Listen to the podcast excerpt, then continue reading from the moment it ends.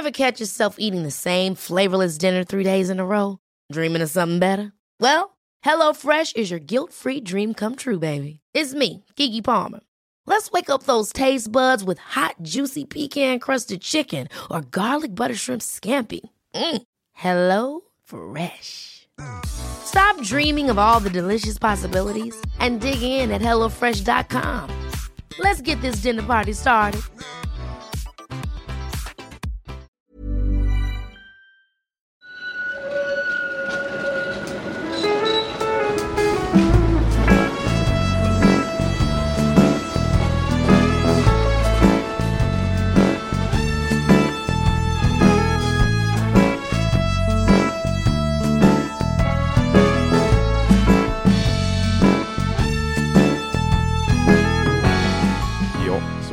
Är det, så är det, så är det, Den är lite så.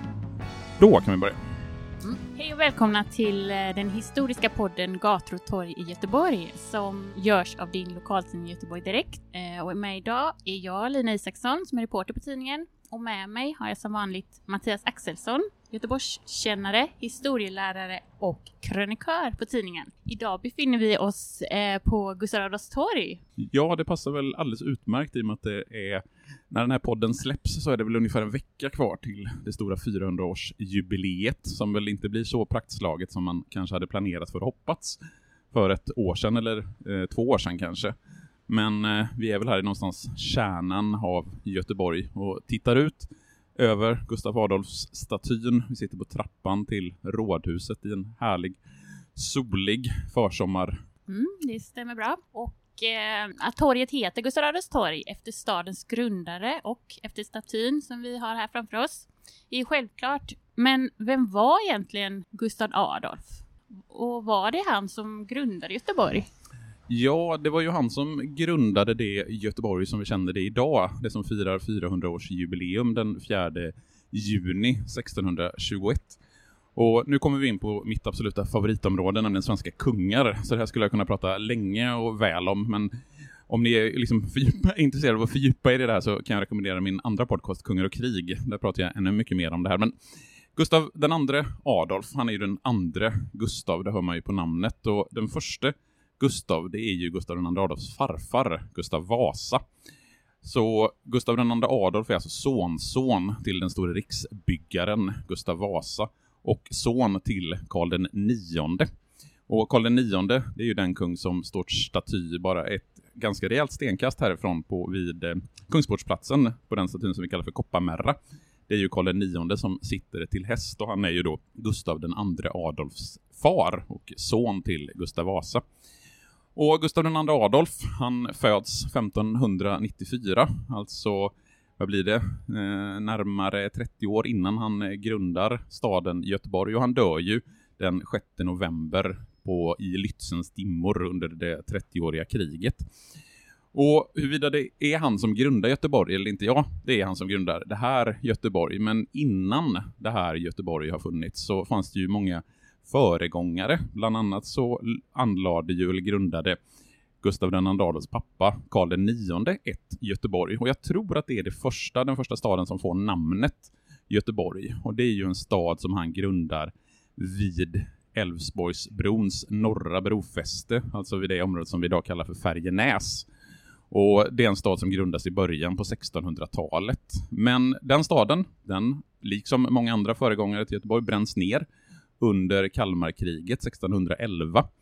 Och Kalmarkriget, det är ju ett krig som eh, utkämpas mellan Sverige och Danmark i början på 1610-talet och som leder fram till freden i Knäred och det som kallas för Älvsborgs andra lösen då Sverige får betala jättemycket pengar till Danmark för att få tillbaks Älvsborgs fästning.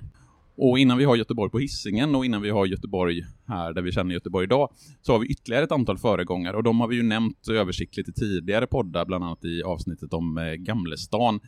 Vi har ju då Nya Lödesö som eh, ligger vid Säveåns utlopp i Göta älv, alltså där Gamlestan eh, ligger idag. Och innan Nya Lödesö så hade vi ju gamla Lödesö som låg ännu längre upp i Göta älv, ungefär där Lilla Edet ligger idag.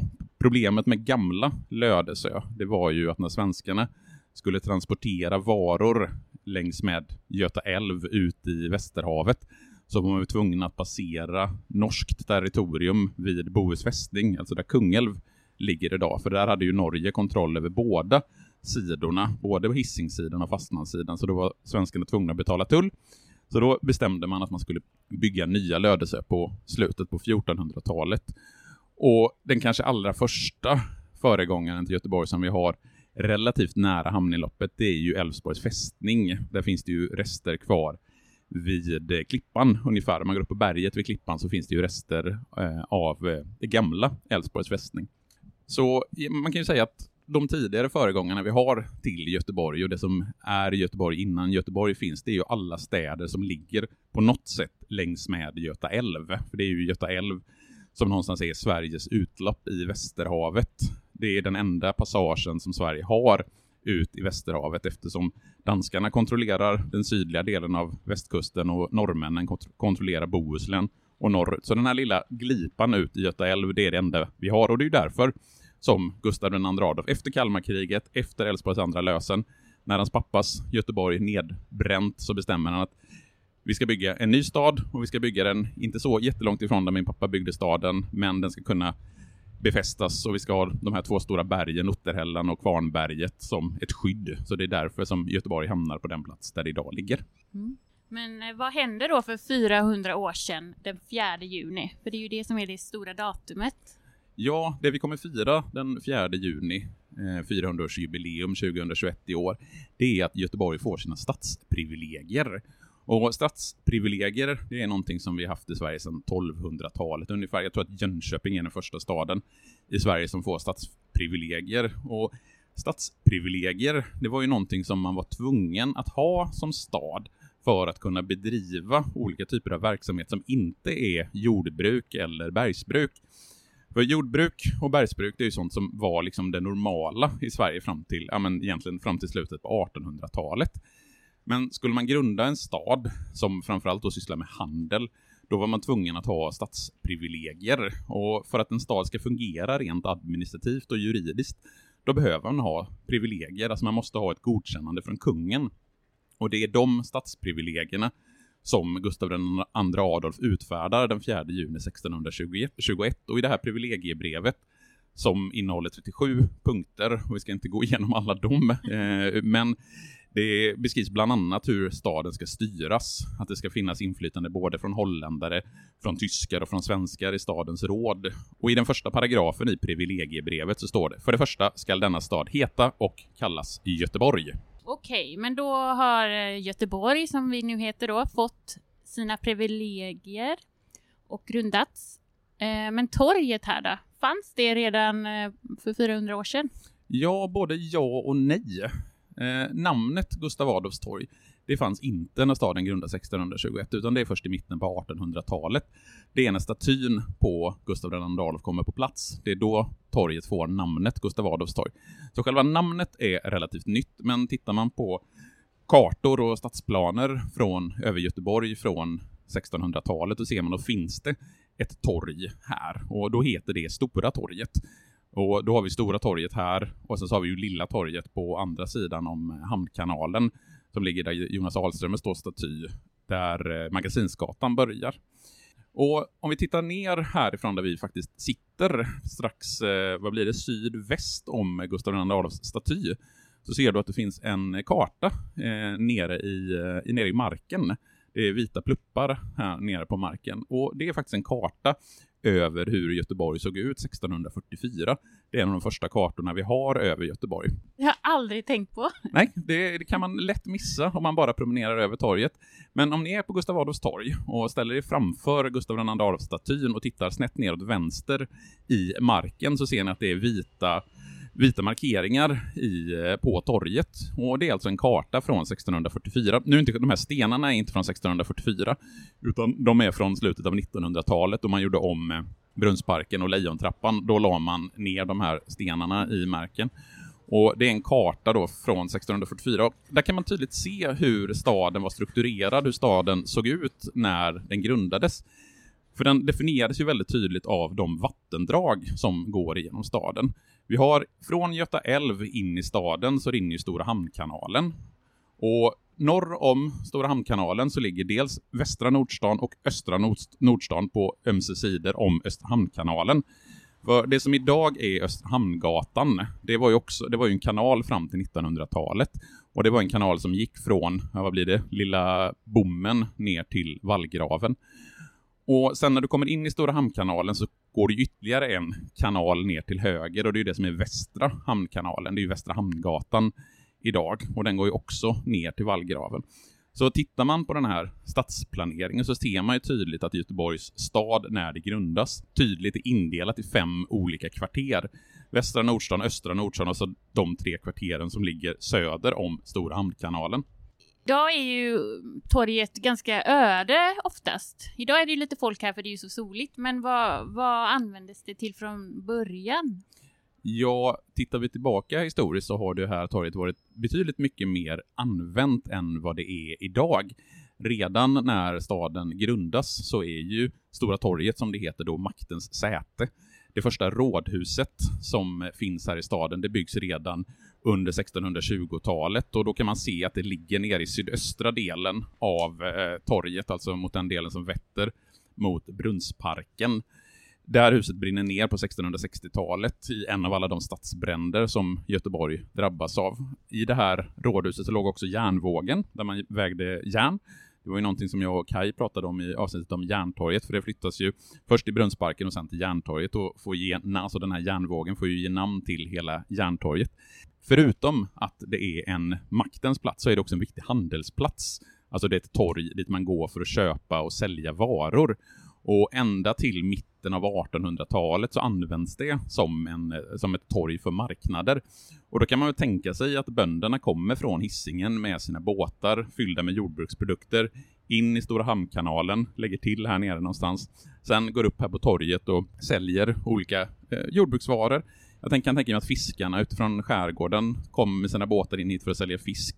Och det här är ju en verksamhet som håller på till, fram till 1848 då man flyttar torghandeln till Kungstorget. Och sen under 1900-talet när det kommer hårdare regler kring, kring livsmedelshantering och det växer fram olika typer av specialaffärer och sen livsmedelsbutiker, då försvinner ju den här torghandeln med livsmedelsprodukter in i butikerna där vi idag köper våra jordbruksvaror, där vi köper mjölk och där vi köper bröd och smör och så vidare. Ja, men som sagt, oftast nu för tiden är det ju eh, ganska öde här, men hur, hur såg en dag ut eh, på torget en vanlig dag på 1800-talet? Ja, om vi tänker oss innan de här försäljningarna flyttade till Kungstorget så kan jag tänka mig att det var ganska livligt. Det är ganska livligt till här på torget. Vi kan tänka oss att nere i det östra hörnet så fanns det fruktförsäljerskor som sålde frukt av olika slag. I kanalen här framför Tyska kyrkan så fanns det en fiskeflotta där man kunde köpa fisk. Eh, precis vid rådhuset där vi sitter så låg de tyska bodarna och egentligen allting kunde säljas på det här torget. Sen fanns det tre dagar om året som var särskilt viktiga som marknadsdagar här i Göteborg. Det var dels en vårmarknad i april, det var Larsmässan på Larsdagen i augusti och sen var det Matteusmarknaden i september. Och de här marknadsdagarna, som kunde hålla på upp till en vecka i vissa fall, då började dagen med att stadsmusikanterna stod här på rådhustrappan och blåste i sina trumpeter eller blåsinstrument, vad det nu kan ha varit för blåsinstrument, blåsinstrument för att säga att nu är marknaden igång. Och från rådhuset bort mot Östra Hamnkanalen, det som idag är Östra Hamngatan, så fylldes då torget av en mängd rödmålade små träbodar. Och oftast var det tre till fyra marknadsgator som löpte härifrån rådhuset bort mot Östra Hamn kanalen och i den första raden som var då längs med hamnkanalen så brukade järnhandlare och garvar och skomakare ha sina stånd. Och sen i mittenraderna så hade vi guldsmeds och spegelbutiker. Där fanns bokbindare, sockerbagare, hattmakare, korgmakare och i den sista raden mot eh, börsen så fanns bland annat krukmakare. Så det fanns en stor uppsättning av olika typer av stånd och det, jag tänker mig att hela torget var fyllt av de här olika bordarna och det är då innan Gustav Adolfsstatyn kommer på plats. Så hela torget från Rådhuset bort till Östra Hamnkanalen är fyllt med människor som vill sälja saker och människor som kommer från framförallt utanför Göteborg för att handla. Det är ju inte bara göteborgarna som går på de här marknadsdagarna. Sen i samband med den här Larsmässan i augusti så hade man också så kallade pigmarknader. Och det handlade om att eh, pigor och drängar kunde vid det här tillfället byta arbetsgivare. Så då samlades pigorna och drängarna vid Lejontrappan, eller i det som kallas för Gumperts hörn. Och det är alltså hörnet vid Södra Hamngatan, Östra Hamngatan. Vi ser det härifrån, det är någon Tesla-butik som ligger i botten idag. Väldigt stor skillnad mot att eh, man tänker sig 1800-talets pigmarknader som idag är en Tesla-butik. Och det man gjorde, det var att man samlades för att man ville ha en ny arbetsgivare, en ny hus, husbonde. Och det var vid Larsmässan som man kunde göra det här bytet i augusti. Men förutom att fungera som marknadsplats så hade man också torget till att ha offentliga straff. För på torget så hade man bland annat en skampåle. Och en skampåle det är precis som man hör en, eh, en en påle som står på en plattform och den som har begått något brott kedjas fast i den här pålen. Man sätter någon järn ring runt halsen som man sen sätter fast i den här skampålen. Och sen får personen, brottslingen, stå där och skämmas. Och det fanns också något som kallades för trähäst och det var en planka som man hade lagt på en ställning, en vass planka. Och där fick den som var dömd sitta gränsle över den här plankan. Och för att det skulle vara extra kännbart så hängde man tyngder i fötterna så att den liksom skulle dras ner mot marken så det skulle kännas riktigt ordentligt i grenen på den som hade blivit straffad. Och sen någon enstaka gång så kunde man också utföra spöstraff på Stora torget och då flyttade man spöpålen som jag tror att spöpålen egentligen stod i slutet på Sillgatan, alltså det som idag heter Postgatan. Eh, men eh, vid vissa tillfällen när man skulle verkligen visa upp folket att nu ska vi spöa några brottslingar, bland annat vid det som har kallats för Björnbergska kriget. Så de som dömdes i samband med det, det var någon form av upplopp i Göteborg. Då tog man skampålen hit och bestraffade människorna och slog dem med spöstraff förutom torghandeln och förutom att man också har haft olika typer av straff här, så hade ju högvakten mitt på torget, vilket gjorde att eh, man hade vaktparader här varje dag. Och det var ju någonting som man slutade med i slutet på 1800-talet när regementet flyttade till Kviberg.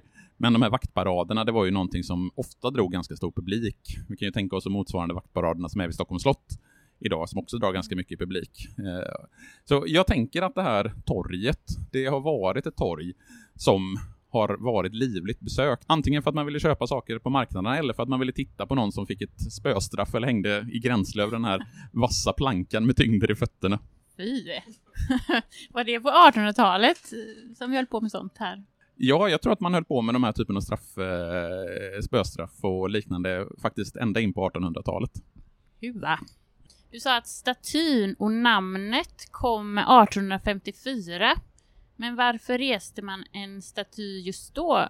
Ja, det är en jättebra fråga, just av den anledningen att Gustav II Adolf har ju varit Göteborgs grundare sedan 1621.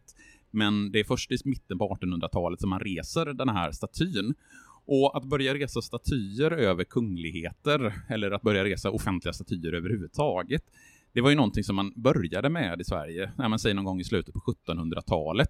Vi har, jag tror den första statyn av en person eh, från Stockholm. Det är kung Fredrik den förste som någonstans i mitten på 1700-talet får en byst. Och sen så reser man en staty av Gustav II Adolf i slutet på 1700-talet i Stockholm.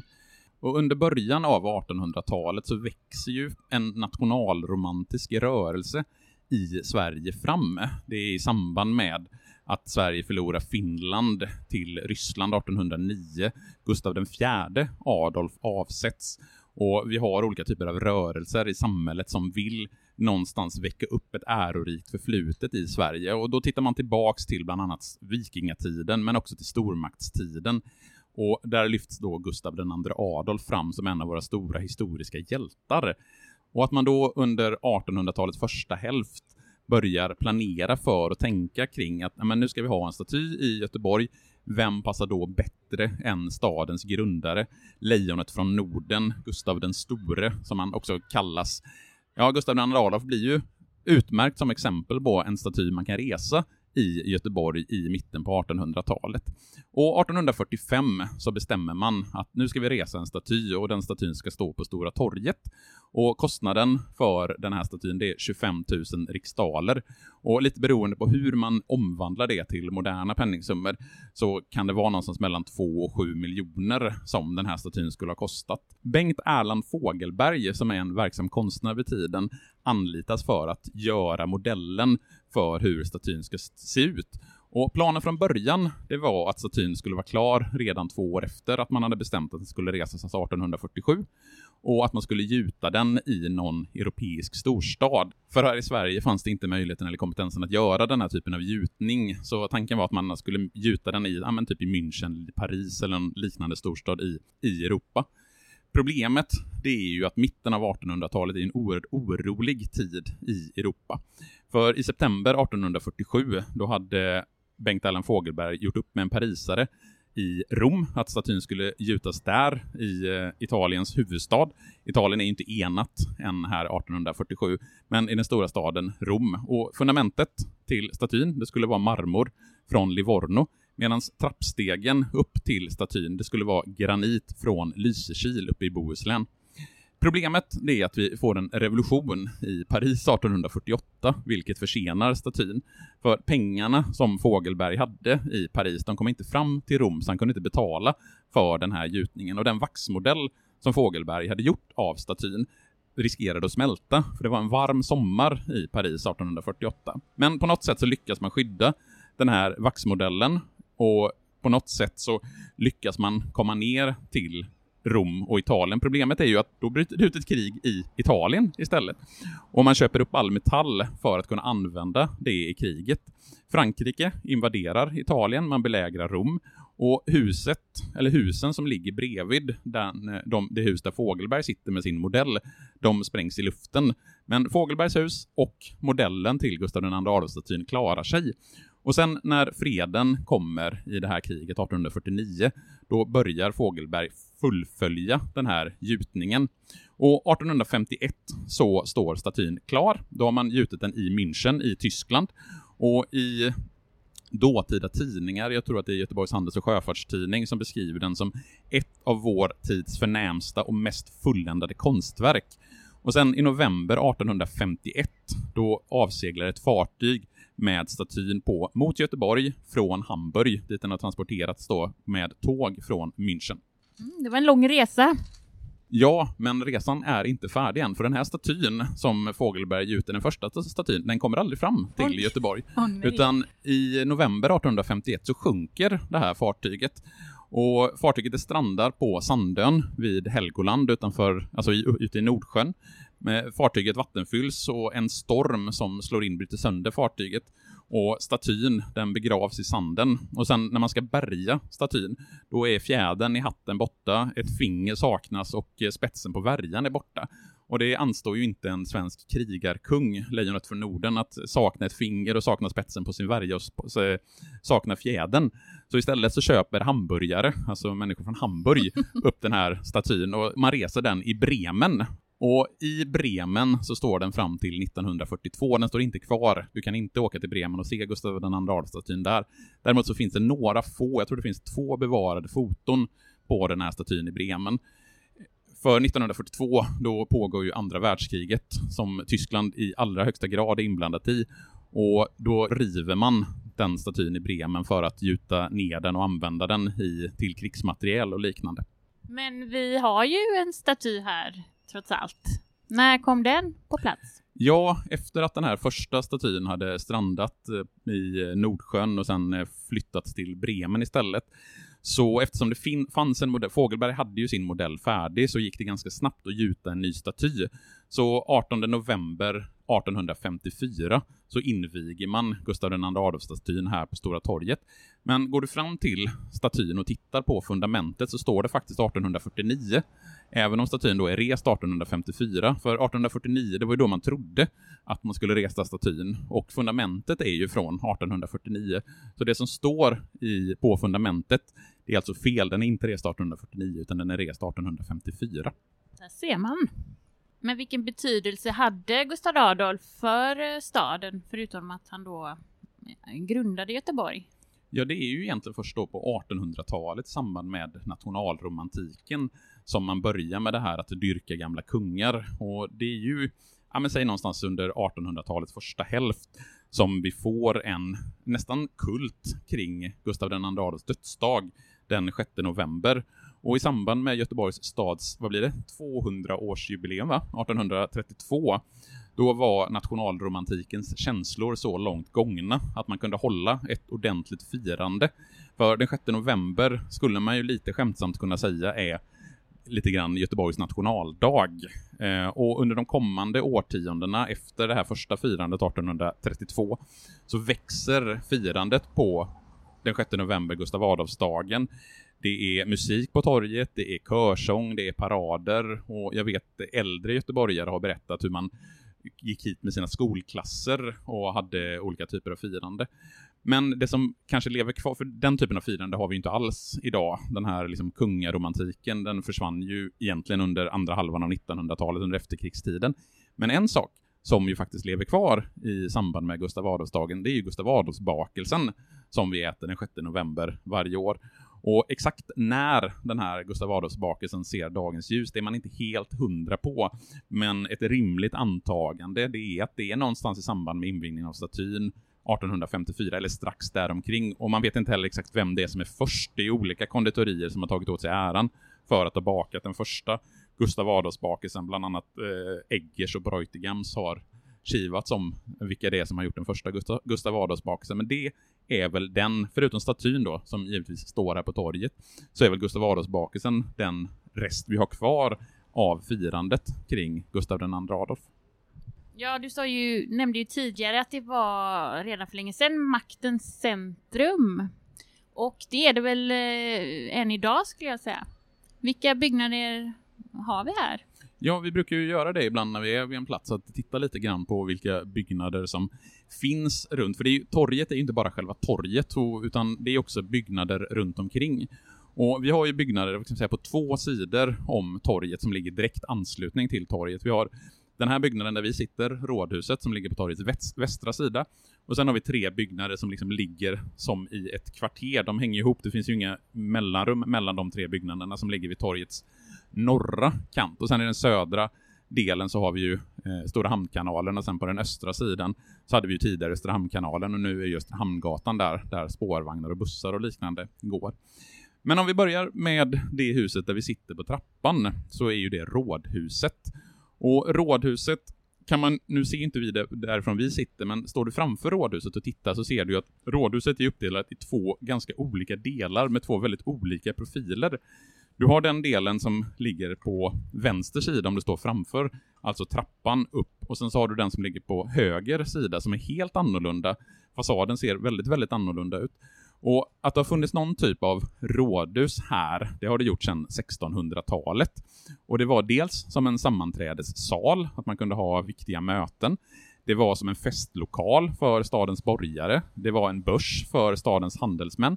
Och det fanns också någon form av krog i källaren till det här huset. Sen under början på 1800-talet så bygger man om den här byggnaden ganska kraftigt. Man bygger på en våning så man får ett trevåningshus och man gör också en ny fasad. Så den fasaden vi ser när vi står framför huset, den är från 1800-talet. Sen redan i slutet på 1800-talet så lyfter man frågan om att bygga ut, bygga ut huset norrut, alltså till höger om huset där man står framför det. Och den sedermera världsberömda arkitekten Gunnar Asplund får 1913 i uppdrag att bygga ut det här huset. Och det finns de som menar att utbyggnaden av rådhuset, det är egentligen den enda arkitektoniska byggnaden vi har i Göteborg som har någon form av världsrykte. För även om, när man avtäcker byggnad, tar bort byggnadsställningar och inviger den här högra delen, den norra delen av rådhuset 1936, så får den väldigt, väldigt stor kritik för att det är en byggnad som är byggd i strikt funktionalistisk stil. Och det är någonting som, det rimmar inte riktigt med hur den andra byggnaden, alltså där vi sitter, som är byggd i mer 1800-talsstil. Men går man in i byggnaden, det kan man ju ha gjort tidigare, för det fungerar ju till exempel som tingsrätt tidigare, och jag vet att interiören till den nyare delen av rådhuset har ju förekommit i väldigt många svenska tv-serier och spelfilmer som ska utspela sig på 30, 40, 50-talet. Jag ska inte ta gift på det, men jag har för mig att delar av vår tid är nu, när de ska vara i Stockholms stadshus, är inspelade här i Göteborgs eh, rådhus. För även interiören är byggd i en väldigt typisk funktionalistisk stil.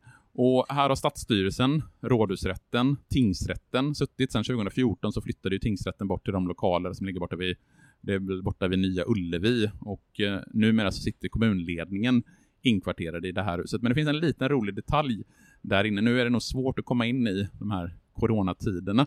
Men går man in och tittar i den nybyggda delen av huset och går upp för trappan så märker man att trappstegen i trappan är väldigt långa. Och Det berodde på att Gunnar Asplund, när han eh, gjorde ritningarna för den här trappan, tyckte att det var viktigt att man, när man gick till rättssalen i tingsrätten så skulle man gå med långsamma, eftertänksamma steg. Och det kunde man bara göra om man gick i en trappa med långa trappsteg. Så den är väldigt, väldigt speciell den trappan som är inne i rådhusets nya del. Mm får vi tänka på nästa gång. Och om vi fortsätter då runt torget här, vad har vi för hus? Ja, vi har ju de tre husen som ligger liksom i en rad i den norra delen av Gustav Adolfs torg. Och längst till vänster av de här tre husen så har vi det Wenngrenska huset. Och det är ett hus som är byggt i slutet på 1700-talet och sen gjorde man precis som med rådhuset att man byggde på en våning under 1800-talet. Och namnet på Wenngrenska huset det har kommit från han som är med och bygger, eller en av de första som bor där, nämligen rådman Sven Wenngren. Och Wenngrenska huset, det är den enda, det enda huset runt torget som har fungerat som bostadshus. Och det har varit en post, det har funnits en riksbank och det har varit olika typer av verksamhet i Wenngrenska huset. Och egentligen så är det fyra hus som hänger ihop runt en gård. Eh, men det ursprungliga huset, det är det huset som vi ser mot torget. Och idag tror jag att det är kommunstyrelsen som har delar av sin verksamhet i det Wenngrenska huset. Och sen om vi tittar på det mittersta huset, det som har en gulaktig fasad, så är ju det det huset som kallas för Göteborgs stadshus. Och det är också ett hus som är byggt på 1700-talet eftersom det gamla huset som stod på platsen brann ner i en av många stadsbränder då på 1700-talet. Och sen kommer vi till det sista huset, eh, kanske den pampigaste byggnaden kring Gustav Adolfs torg, nämligen Börsen. Och dagen till ära så vajade en EU-flagga i toppen på huset. Och här låg, innan börsen byggdes på 1800-talet, något som hette det Kaulbarska huset. Och i källaren till det Kaulbarska huset så låg en krog som först var en finkrog, men, och här måste jag citera en eh, strof ur boken Det gamla Göteborg, så småningom degraderades den till en sylta där pöbel och pack i krogrummen vid bägarnas klang förde busliv och lurade bönder och där övre våningen vid marknadstillfällen gav rum åt olika slags hundfröjder, uppvisningar av akrobater, harpospelerskor och så vidare, vilka utbasunerades med trumpetstötar från våningens öppnade fönster. Så det låter ju som att det gick ganska livat till på den här krogen under första halvan av 1800-talet. Men sen 1849 så byggs det nuvarande huset och idag så fungerar ju börsen framförallt som säte för Göteborgs kommunfullmäktige. Och sen om vi går hela varvet så har vi några grejer Vi har ingen byggnad kvar på torget, men vi har ju de stora flaggstängerna på torgets östra kant. Och de flaggstängerna, först, de flag, första flaggstängerna, de restes i samband med Göteborgs 300-årsjubileum 1923. Och sen de jättestängerna som vi har idag, som är, verkligen är jättestora, och om man går förbi torget någon dag när det är flaggdag så kan man också se att det är gigantiska flaggor som vajar från de här flaggstängerna. Och de stora flaggstängerna, de reser man, ja, det är någon gång i början på 1930-talet. Och sen dess så har ju det här torget fungerat som det egentligen var från början, nämligen en maktens boning. Det är här vi har kommunstyrelsen, det är här vi har kommunfullmäktige, det är här vi har statsledningskontoret. Alltså Göteborgs politiska elit är samlad runt Gustav Adolfs torg. Ja, det låter ju som det har eh, varit full rulle här på många sätt, men eh, nu för tiden så har torget något speciellt syfte.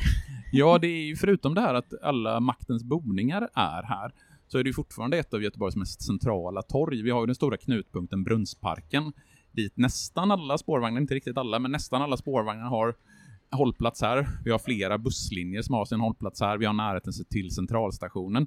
Men själva torget i sig är ju inte särskilt utnyttjat. Eh, det är ju en solig dag som idag och under sommaren så kan det ju sitta ganska mycket folk eh, uppe eh, på trappan upp till statyn eller på trappan här till rådhuset eller trappan upp till börsen som vi har där borta. Men själva torget och torgytan, det är ju en plats som framförallt används vid speciella tillfällen. Det kan vara i samband med första maj-demonstrationer så vet jag att det har varit tusentals människor här på torget som har demonstrerat. Jag själv var med och anordnade en demonstration om bättre villkor i skolan och då samlades vi på Gustav Adolfs torg, för det är liksom en naturlig samlingsplats när man vill vara mycket folk som samlas samtidigt. Då är Gustav Adolfs torg, kanske tillsammans med Götaplatsen, den bästa, det bästa stället att vara på. Sen vet jag att ibland förekommer olika typer av marknader här på torget och ibland så står det lite food trucks på olika delar av torget. Men de flesta dagar på året så tror jag att det är en ganska tom och öde yta här på Gustav Adolfs torg. Men det är kanske det som ett sånt här torg ska vara. Att det ska vara en plats som man samlas på när det behövs. När man behöver ha mycket folk på en och samma plats, då finns det här torget möjligt att vara på. Skulle man bebygga det med olika typer av byggnader, då försvinner ju den här öppna ytan och då har man inte möjlighet att samlas många på en och samma plats. Så den här typen av tomma ytor behövs väl kanske i en stad. Och om du vill veta mer om Gustav Adolfs torg så kommer det ju en artikel i tidningen där ni kan fördjupa er ännu mer. Och med det säger vi tack för den här gången. Så hörs vi från en annan plats om två veckor. Hej då! Hej då!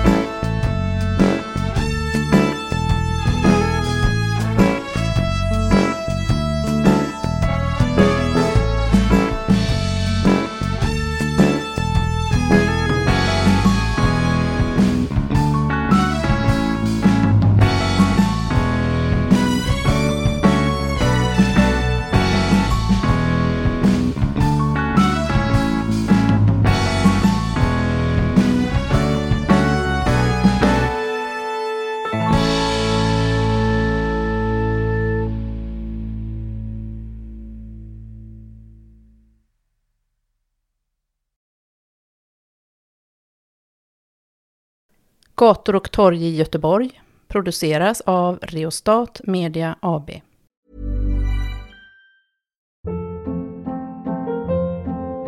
Hold up. What was that? Boring. No flavor. That was as bad as those leftovers you ate all week. Kiki Palmer here, and it's time to say hello to something fresh and guilt-free. Hello Fresh. Jazz up dinner with pecan-crusted chicken or garlic butter shrimp scampi. Now that's music to my mouth. Hello Fresh. Let's get this dinner party started. Discover all the delicious possibilities at hellofresh.com.